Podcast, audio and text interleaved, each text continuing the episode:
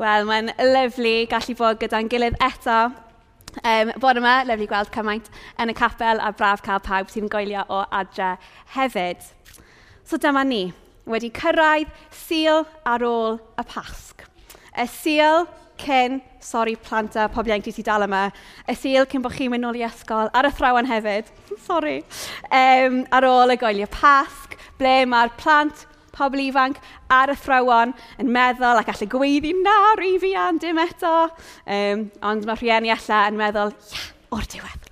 Um, y sil ble mae'r oiau pasg, mae hocros buns a chacennau simnel i gyd wedi ei foeta.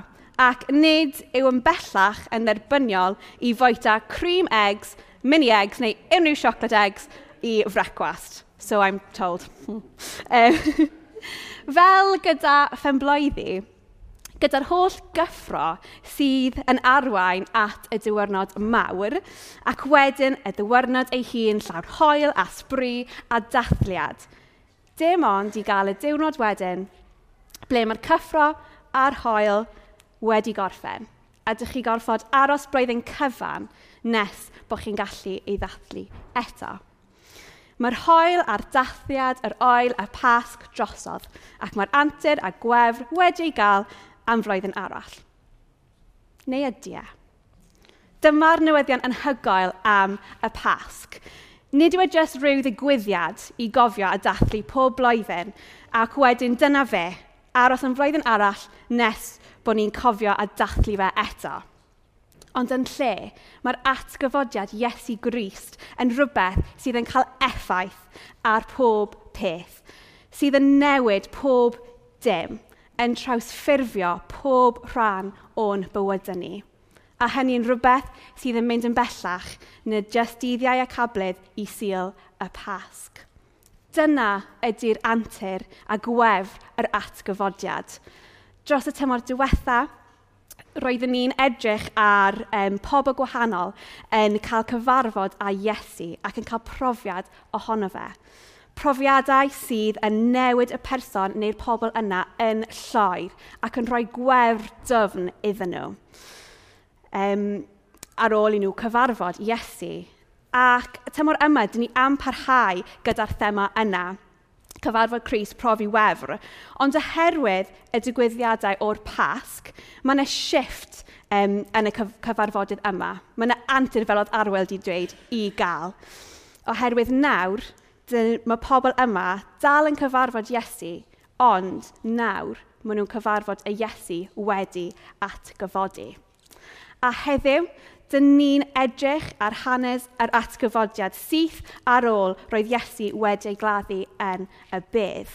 Mae'r efengylau i gyd yn adrodd yr hanes ychydig yn wahanol, ond mae'r prif pethau a threfn o'r digwyddiadau yr un ynddyn nhw gyd. Mae'r hanes dyn ni am edrych ar bore yma yn Iwan yn sôn am Mair Magdalen. Hi yw'r prif cymeriad yr hanes yma. Dwi'n siŵr bod yr enw Mar Magdalen yn cyfarodd iawn gyda llawer ohonon ni. Ond pwy yn union yw hi? Wel, dyn ni'n cyfarfod Mair Magdalen cyn yr hanes byddwn ni'n edrych ar bore yma. Mae Leek yn cyflwyno hi yn gyntaf, um, ac um, ers i esbonio rai o'r pobl oedd yn dilyn Iesu, mae Leek yn dweud hyn. Am beth amser wedyn, roedd Iesu yn deithio o gwmpas y trefi a'r pentrefi yn gyhoeddi'r newyddion da am ddew yn teirnasu. Roedd deuddeg ddisgybl gydag e, a hefyd rhyw rhagedd oedd wedi cael ei achau o effeithiau ysbrydion drwg ac afiachion. Mair oedd yn cael ei galw'n Magdalen, roedd saith o, o gyrthreithiau wedi dod allan ohoni hi. So dyna Mair. Roedd hi'n rhywun oedd yn gyfaroedd a ddioddefaint, ond wedi cael cyfarfod gyda Iesu a phrofi ei iechad a iechawdwriaeth. Felly ar ôl hyn, roedd Mair a rhai gwragedd eraill wedi penderfynu gwasanaethu Iesu a'i ddilyn, gan ei helpu a hefyd yn ei gynnal, a Mair yn penodol gyda'i arian. A dyna pwy oedd Mair Magdalen. Felly, yn gynnar a'r bore syl ar ôl y croeshoeliad. Dyma Mair ac mae'n debyg rai o'r gwragedd eraill yn mynd at y bedd. Eto, mae'n ethebyg gyda fferlysiau ar gyfer eneinio Iesu fel roedd y traddodiad o'r amser. Dim ond i ddarganfod ei fod yn wag.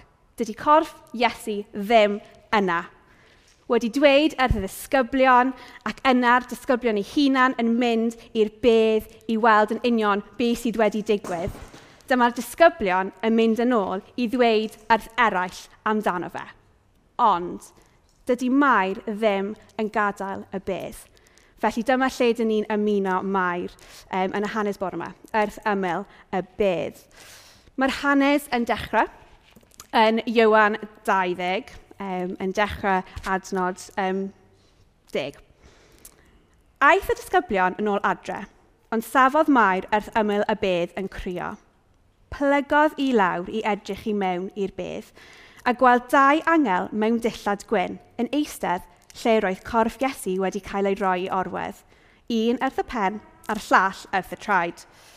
Dyma nhw'n gofyn i Mair, rhaeg anoel, pa oed ti'n crio? maen nhw wedi cymryd fy arglwydd i ffyrdd atebodd, a dwi ddim yn gwybod ble maen nhw wedi mynd ag e. Dyna pryd trodd hi rownd a gweld rhywun yn sefyll yno. Iesu oedd yno, ond doedd hi ddim yn sylweddoli mae Iesu oedd e. Rhaeg anoel, meddai Iesu erthi, pam oed ti'n crio, am boi roi ti'n chwilio. Doedd hi'n meddwl mai garddwr oedd e, a dwedodd, Sir, os mae ti sydd wedi ei symud, dywed lle roi ti wedi ei roi e, y byddai'n mynd i'w nôl e. Yna, dyma Iesu yn dweud, Mair. Trodd ato ac meddai yn Hebraeg, Rabuni, sy'n golygu athro. Dyma Iesu yn dweud erthi, pai dal gafel yno fi, dwi ddim yn mynd i fyny at y tad eto. Dos at fy mrodyr i a dweud wrthyn nhw, dwi'n mynd at fy nhad am dew, eich tad eich dew chi hefyd. Yna, aeth Mar Magdalen at y ddisgyblion a dweud, dwi wedi gweld yr arglwydd a dwedodd nhw, dwed, dwedodd wrthyn nhw beth oedd wedi ei ddigwydd erthu. Waw, mae hanes yma llawn, um, llawer o wirioneddau a llawer o bethau i gael eich danydd i fewn. Ond bod yma, dwi am i ni tynnu jyst tri peth allan o brofiad mair o'r Iesu wedi ei atgyfodi. A'i cymhoeso nhw i ni heddiw. Y peth gyntaf ydy rhywbeth dyn ni'n gweld trwy'r hanes y pasg i gyd. Ei natur anisgoel. Y natur anisgoel o'r atgyfodiad a'i hun a'r digwyddiadau sydd yn ei ddilyn. Ym mhob un o'r efengylau, heblaw am lyc, maer sydd yn cael ei enwi fel y person gyntaf neu un o'r pobl gyntaf i'r bedd wag. Nawr i ni, yn ein cymdeithas o'r llywynol heddiw. Mae hyn yn fanylder bach sydd sy'n gallu um, cael ei edrych drosto ac yn gallu cael ei anwybyddu. Ond nôl yn yr adeg dyn ni'n sôn amdano fan hyn, yn y diwylliant roedden nhw'n byw ynddo, i gael menyw fel y person gyntaf, y, lle, y, y, llygad dist cyntaf i'r bedd wag, oedd yn ddoes a radical dros ben. Roedd merched yn eiddo ei tadau, oedd wedyn yn cael ei drosglwyddo wedyn i'w gŵr ar ôl priodi. Roedd merched yn byw bron yn gyfan gwbl o fewn eu teuluoedd estynedig. Nad oedden nhw'n siarad a pobl tu allan, ddim ymddangos yn gyhoeddus. Felly nad oedd eu tystiolaeth yn cael ei dderbyn mewn unrhyw achos yn y llys, achos dyna cyn lleiad o statws oedd gan fenywod ar y pryd. Ond dyma ni'n gweld Mair fel y person cyntaf i'r sîn. Mair oedd yn ffyddlon ac um, roddedig i Iesu. Mair oedd wedi gweld yr holl ddigwyddiadau o'r pasg yna. Y treul o dan peilot, yr argyhoeddiad, yr artaith ac wedyn y croeshoeliad. Dyna pwy oedd Dyw yn ei gynllun mawr wedi dewis i fod yn llygad tist cyntaf i'r ffaith roedd Iesu wedi atgyfodi. Nid rhywun mewn ardurdod, neu hyd yn oed un o'r deuddeg ddisgybl, ond rhywun anusgoel, dynes, gyda hanes, ond oedd wedi ei trawsffurfio oherwydd Iesu. Ac ar y bore gyna yna, Roedd beth welodd Mair y peth mwyaf anisgoel erioed hefyd. Y peth olaf roedd hi'n ddisgoel ar ôl gweld ei ffrind anoel yn cael ei ladd a'i roi i orwedd yn y bedd. Mae'r efengelau eraill yn dweud oedd Mair wedi mynd i'r bedd er mwyn eneinio corff Iesu fel oedd y traddodiad ar ôl i rywun farw.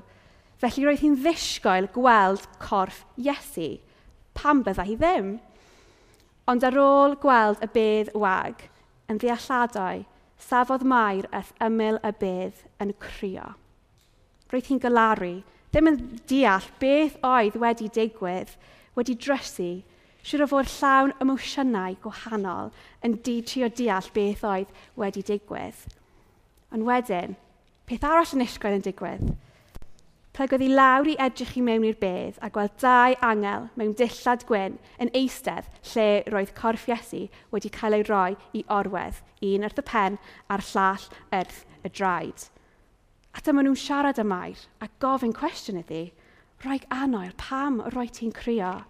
Fel mae athrawon a rhieni yn hoffi gwneud, roedd yr yn amlwg yn gwybod yr ateb i'r cwestiwn, ond serch hynny, yn rhoi y cyfle iddi gallu ymateb.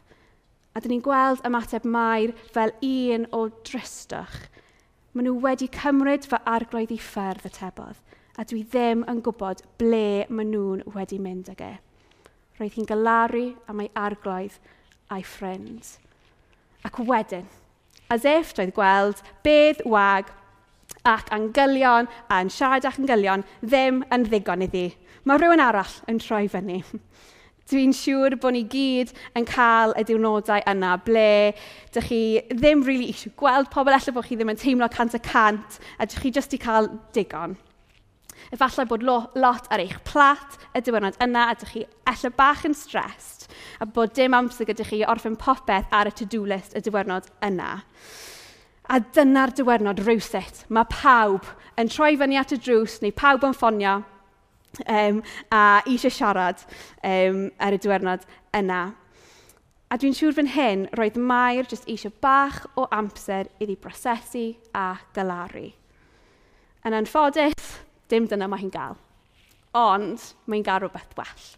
Oherwydd y person nesaf mae hi'n cyfarfod, nid jyst rhywun cyffredin oedd e, ond Iesu ei hun. Yr Iesu at gyfodedig yn ei holl emosiynau. Doedd Mair ddim wedi sylweddoli pwy yn union oedd e. Roedd hi'n meddwl taw galfyr oedd e. Wedyn eto mae Iesu yn gofyn yr un cwestiwn ar angylion. Rhaeg anoel, meddai. Pam roi ti'n crio? Am boi roi ti'n chwilio?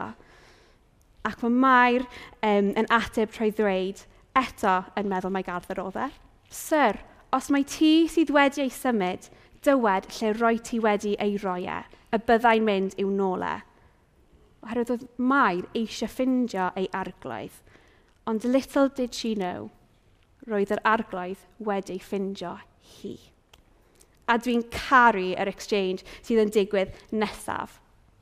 Oherwydd, yna, dyma Iesu yn dweud just un gair. Mair. Dyna gyd sy'n cael ei ddweud wrthi.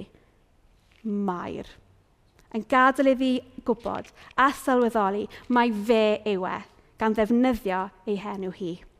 Mae yna rhywbeth personol ac intimate yn digwydd fan hyn, sef y peth nesaf i ni ystyried. Mae enwau mor boesig dydyn. Hebddyn nhw bysau'r byd yn chaos. Y peth gyntaf sy'n cael ei roi i ni fel babi, a rhywbeth dyn ni'n cael trwy gydol ein bywyd. Y cwestiwn gyntaf, dych chi'n gofyn wrth gyfarfod rhywun ydy, beth ydy dy enw di? Dyn ni'n cael ein nabod troi ein henwa. Felly pan mae rhywun yn dweud eich enw, mae'n golygu bod nhw'n eich adnabod chi ac yn gwybod pwy o'i ti. Felly, beth oedd ymateb mair i Iesu fan hyn?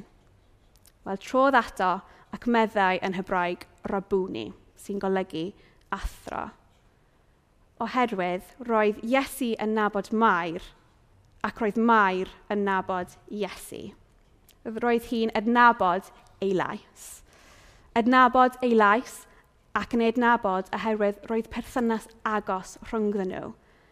Fel y clywon ni'n gynt, ar ôl i Mair cael profiad traws newidiol o Iesu, roedd hi wedi treulio ei amser yn ei presenoldeb yn dod i nabod pwy oedd e yn gweld y pethau oedd Iesu yn wneud, yn clywed ei ddysgeidiaeth, yn gweld y gwerthiau a'i weithredoedd oedd Iesu yn gwneud, a fel oedd yn trin y pobl oedd ei gwmpas. Roedd hi'n gwybod yn union pwy oedd wedi dweud ei enw. Dwi fethu dod yn agos i feddwl a deall yr holl emosiynau mae'n rhaid oedd mae'r gyda yn y foment yna. Neu beth oedd yn mynd trwy ffen hi Eth clywed a gweld ei ffrind anoel, ei arglwydd, yn ôl yn fyw.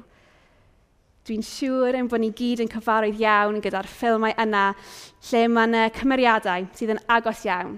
Ond wedyn, yn ystod y ffilm, mae rhywbeth yn digwydd a rhywbeth yn mynd o'i le. Ac mae'n edrych fel bydden nhw ddim yn gweld ei gilydd byth eto. Ond wedyn, yn y scenes terfynol o'r ffilm, mewn rhyw ffordd neu gilydd, maen nhw'n ffindio'i gilydd unwaith eto. Mae yna adyniad amazing, emosiynol, gyda dagrau a llawenydd a'r holl emosiynau. Ac wedyn, mae'r credit y ffilm yn dechrau rolio. Pawb yn byw, happily ever after, y diwedd. Gyda Mair a'r Iesu atgyfodedig yma, mewn golwg o'r bedd wag, mae'n edrych fel y lle perffaith i'r credit dechrau rolio, fe fel petai. Ond na, roedd dal gwaith i wneud. Roedd dal pethau oedd angen ei wneud, sy'n dod â ni i'r trydydd pwynt. Oherwydd, ar ôl i Mair sylweddoli pwy oedd yna gyda hi, dyma Iesu yn esbonio rhywbeth boesig iddi. Dyma Iesu yn dweud wrthi, pai dal gafel yno fi, Dwi ddim yn mynd i fyny at y tad eto. Dos at fy mrodyr i a dweud wrthyn nhw, dwi'n mynd at fy nhad am Dyw, eich tad a'ch Dyw chi hefyd. Roedd Iesu wedi marw ar y groes ac atgyfodi er mwyn wedyn i fynd i dernasu ar ochr dde Dyw. Oherwydd ei farwolaeth a'i atgyfodiad, roedd ffordd wedi cael ei greu i ni allu nabod Dyw fel mae Iesu'n dweud fan hyn, fel ein diw ni a'n tad ni. Doedd dim byd rhagor yn gwahanu ni oddi wrtho fe. Roedd shift cosmig wedi digwydd ac roedd Iesu wedi rhoi'r dyletsoedd freintiedig o ddweud yr ddeifrodyr a ddisgyblion amdano fe. Fyn hyn, comisiynodd Iesu mair i fod yn dist iddo ar hyn oedd am ddigwydd. A dyna'n union beth mae Mair yn ei wneud. Mae'n dweud, yna eith Mair Magdalen at y disgyblion a dweud, dwi wedi gweld yr arglwydd. A dywedodd wrthyn nhw, beth oedd e wedi ddweud erthu. Roedd Mair wedi gweld yr arglwydd atgyfodedig, ac oedd hi eisiau pawb i gwybod hynny. Felly, beth amdano ni? Ydyn ni fel Mair wedi profi'r grym ac antur yr atgyfodiad, wedi cyfarfod yr Iesu wedi atgyfodi. Os dyn ni ddim yn cofio unrhyw beth o'r neges yma bore yma, dewch i ni heddiw cofio a profi y tri peth ni wedi sôn am. Yr er natur yn isgoel, y natur personol a'r ddyletsaidd freintiedig. Mae'r antur yr atgyfodiad i gael i bawb. Nad oes ot pwy ydych chi neu beth ydych cefndir chi.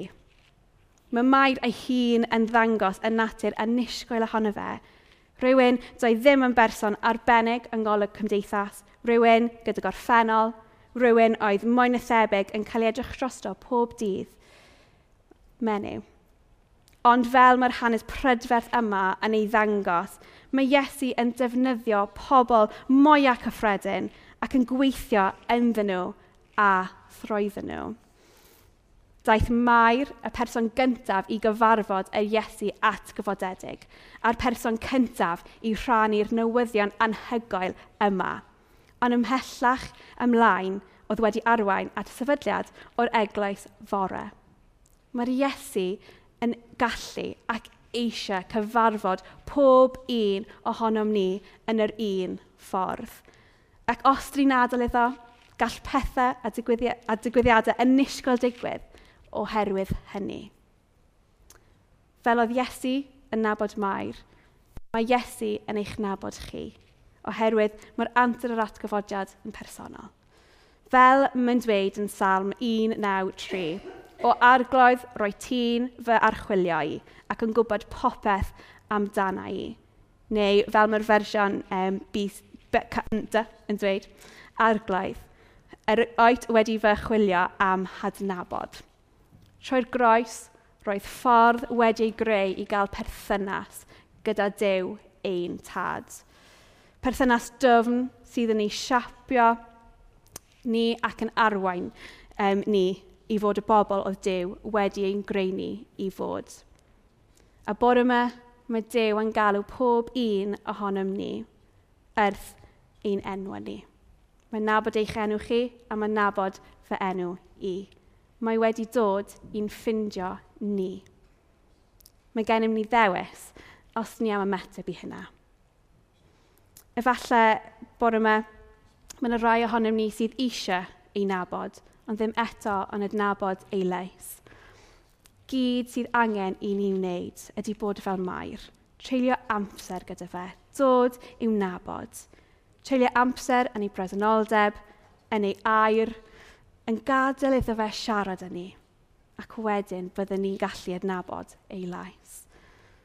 Ac yn olaf, ar ôl i ni cyfarfod a phrofi Iesu at gyfodedig, mae'n comisiwn i ni hefyd gyda ddyletoedd freintiedig i fod yn distyddo ac i rannu ein profiadau gydag eraill, er mwyn iddyn nhw gallu cyfarfod a nabod y diw yma a phrofi'r antur yr atgyfodiad ei hunan.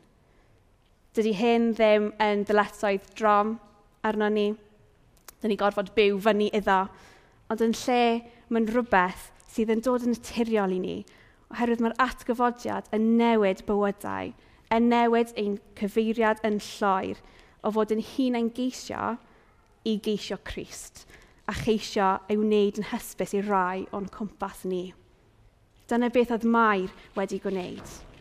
Roedd hi wedi cyfarfod y Iesu wedi atgyfodi, ac oedd ei hymateb hi un llawn gobaith, llawn gwefr a gwirionedd i bawb. Felly bore yma, dewch chi ni fod y pobl sydd yn llawn gwefr ar antur yr atgyfodiad i allu dweud fel mair – dwi wedi gweld yr arglaidd. Amen.